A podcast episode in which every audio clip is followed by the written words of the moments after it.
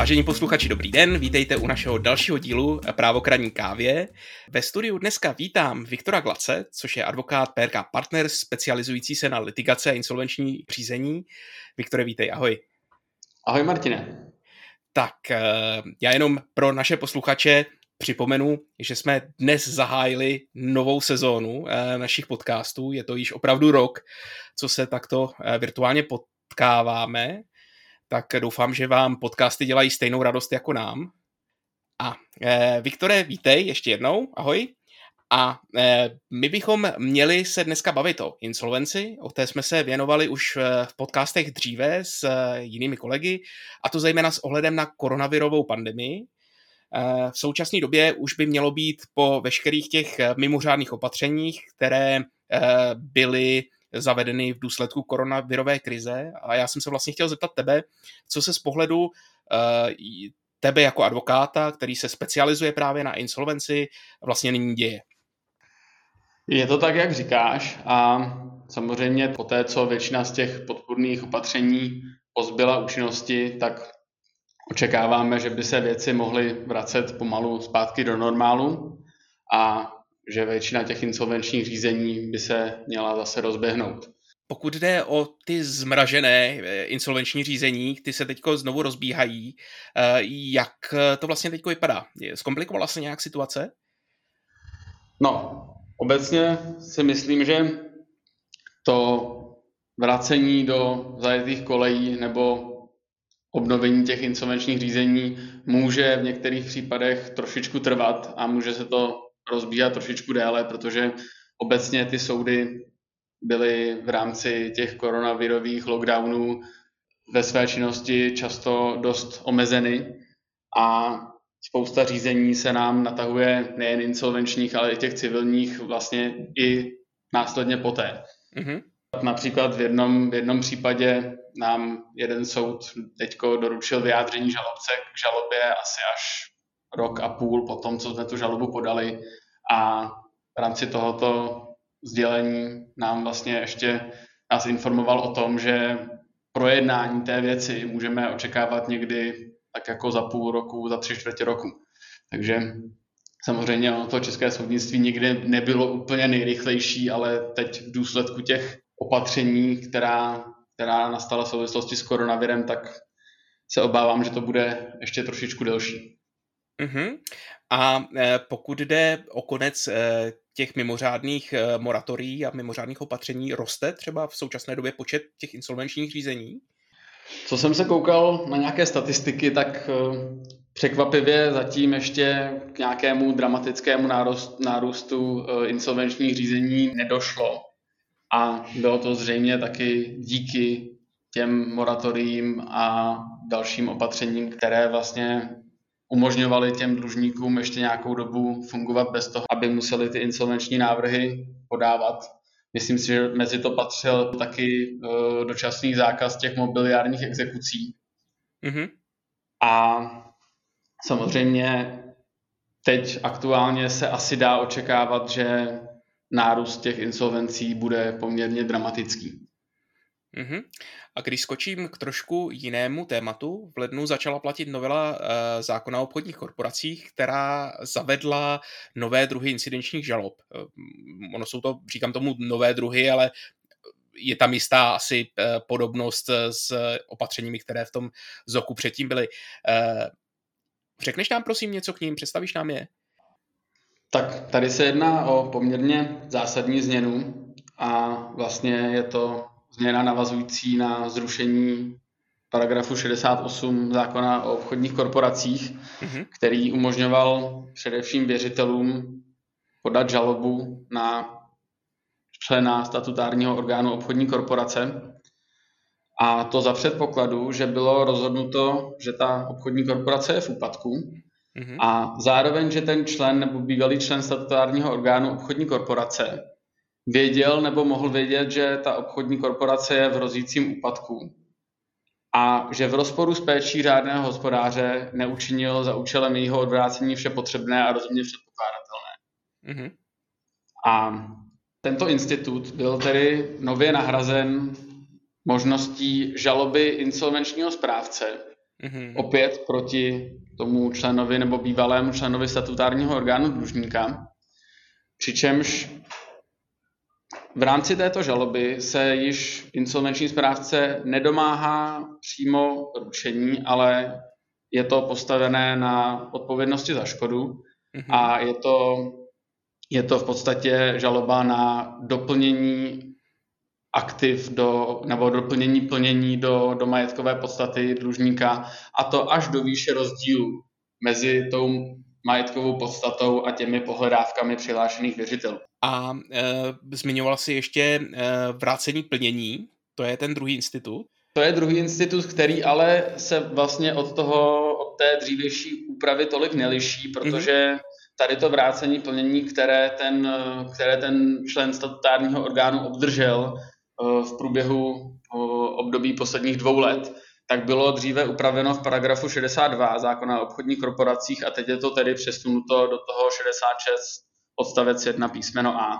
Ale tam si myslím, že úplně k dramatickým změnám nedošlo.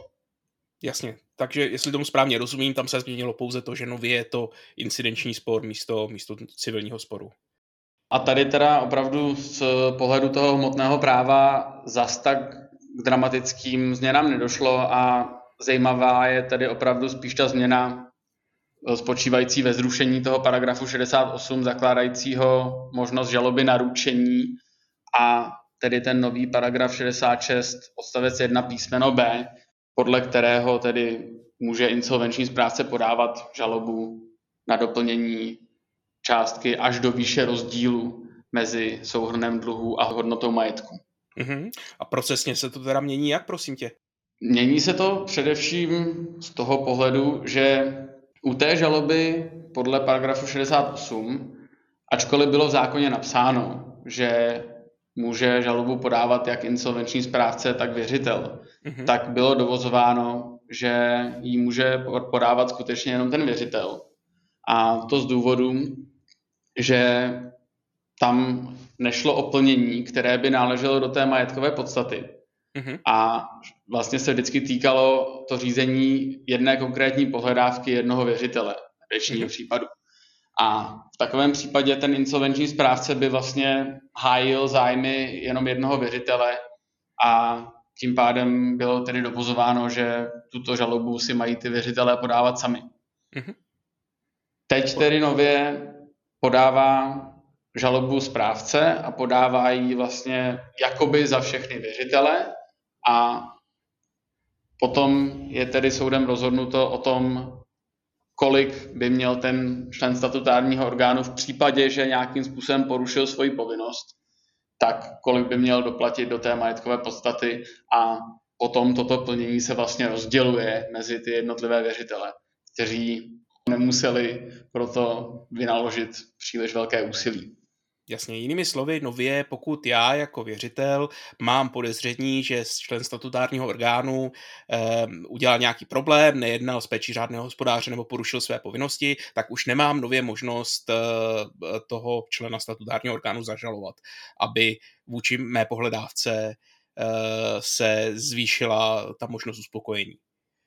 Přesně tak, ale zároveň můžeš tuto informaci sdělit insolvenčnímu správci a mm-hmm. nějakým způsobem se ho pokusit pobídnout k tomu, aby ten krok udělal on sám. A zároveň, pokud seš ve věřitelském výboru mm-hmm. a pokud se s ostatními členy věřitelského výboru na tom dohodneš, mm-hmm. tak můžeš insolvenčnímu správci dát vyloženě pokyn, aby tak učinil a on má potom povinnost tu žalobu podat. Jsou tam potom ještě nějaké detaily související s, s tím, že ti věřitelé musí případně dávat nějakou zálohu na náklady toho řízení za předpokladu, že, že v majetkové podstatě nejsou dostatečné prostředky. No a jak tedy hodnotíš tuhle tu změnu právě v těch relevantních ustanoveních eh, ZOKu? Jaký to má dopad na třeba věřitele nebo právě na ty členy orgánů? No tak řekl bych, že pokud to vezmeme z pohledu věřitelů a konkrétně už potom jako věřitelů přihlášených do insolvenčního řízení, tak je to samozřejmě asi změna velmi vítaná, mm-hmm. protože, jak jsem už naznačoval, nemusí proto, aby se zvýšila jejich šance na nějaké uspokojení za předpokladu tedy, že k nějakému porušení došlo, mm. tak nemusí vynakládat přítěžné úsilí nebo finanční prostředky. Vlastně se nemusí a... vůbec starat, že? Přesně tak. A zároveň právě i ta hmotně právní úprava, tak jak je nastavená, tak si myslím, že ve spoustě případů hodně zvyšuje tu šanci na nějaké, na nějaké rozhodnutí v tomto smyslu oproti té předchozí úpravě. A to se právě potom tedy dostáváme k tomu, že z pohledu stat, členů statutárních orgánů je toto nové ustanovení asi trošku noční můra mm-hmm. a že si budou asi často lidé dost dlouho rozmýšlet, jestli vůbec budou nějakou funkci člena statutárního orgánu chtít zastávat. A to je kvůli tomu, že zatímco v té předchozí úpravě toho paragrafu 68 bylo celkem jasně řečeno, že ten člen statutárního orgánu za prvé musel vědět, že ta společnost je v rozvíjícím úpadku a za druhé musel nějakým způsobem porušit povinnost péče řádného hospodáře. Mm-hmm. Tak teď je tam napsáno v tom paragrafu 66 odstavec 1, že v podstatě stačí, pokud ten člen statutárního orgánu přispěl porušením svých blíže nespecifikovaných povinností k úpadku obchodní korporace.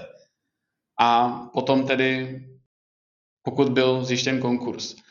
A tady to přispění k úpadku porušením povinností je poměrně dost neurčitý pojem a asi tam můžou být celkem velké obavy z toho, jak široce může být vykládán.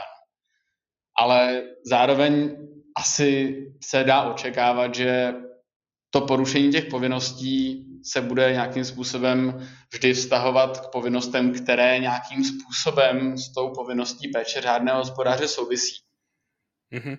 A pokud bych v tom měl hledat nějaké možné výhody pro ty členy statutárních orgánů, tak je tam potom určité zmírnění, které je obsažené právě v tom ustanovení paragrafu 66 odstavec 1 písmeno B, kde je napsáno, že insolvenční soud přihlédne zejména k tomu, jakou měrou přispělo porušení povinnosti k nedostatečné výši majetkové podstaty. Mm-hmm. Tedy k tomuto při, přihlédne při určení té výše plnění, které by měl vlastně ten člen statutárního orgánu zaplatit. Zatímco dříve, jestli tomu správně rozumím, tak eh, pokud si byl seznalý eh, z toho, že si porušil péči řádného hospodáře, tak si ručil za, celé, za všechny ty závazky té společnosti předlužené. Přesně tak. My jsme se totiž v nedávné minulosti setkali s případy, které byly posuzovány tedy ještě podle toho starého paragrafu 68, kdy bylo v té společnosti více členů statutárního orgánu a k tomu úpadku vyloženě jako dva z nich přispěli nějakým aktivním a relativně cíleným jednáním, Aha. zatímco tomu třetímu bylo vytýkáno pouze, že po té, co na to přišel, tak neučinil dostatečná opatření za účelem vlastně napravení té situace mm-hmm. a aniž by bylo vlastně doloženo, jestli by taková opatření, které měl učinit, bývala byla, tu situaci vylepšila, tak bylo rozhodnuto o jeho solidární odpovědnosti. Takže i z tohohle z toho úhlu pohledu je tam jistá změna k lepšímu právě u těch statutárních orgánů nebo členů statutárních orgánů.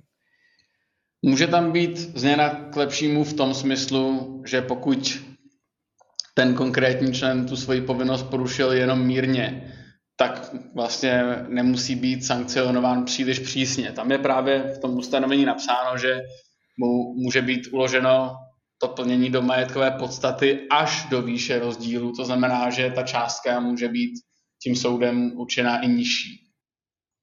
No a e, je tam, jsou tam ještě nějaká třeba úskalí z pohledu věřitelů, o který by stálo za to mluvit, e, kterou právě přinesla tahle stanová úprava? Mně v této souvislosti napadá za prvé to, že pokud tomu rozumím správně, tak e, o té povinnosti zaplatit by měl soud rozhodovat až, až, na, až na konci toho insolvenčního řízení, protože až v tu chvíli zná opravdu přesně z té konečné zprávy té, tu výši rozdílu mezi majetkovou podstatou a těmi přihlášenými pohledávkami, respektive jejich zbývající neuspokojené části. No a vzhledem k tomu, že to insolvenční řízení přesto běží velmi dlouho, tak ten konkrétní člen statutárního orgánu, proti kterému je vedeno to řízení, tak může mít relativně dost času na to něco udělat se svým majetkem, někam ho schovat, nějakým způsobem ho šikovně převést. Samozřejmě tady v té situaci asi bude přicházet v úvahu, aby ten insolvenční správce podal proti té konkrétní osobě návrh na nařízení nějakého předběžného opatření, ale pořád není jisté, že za prvé to ten správce udělá, po případě, že s tím návrhem bude úspěšný, mm-hmm. po případě, že s ním bude úspěšný v takovém rozsahu, aby opravdu zajistil co největší část eh, majetku toho konkrétního eh, člena statutárního orgánu.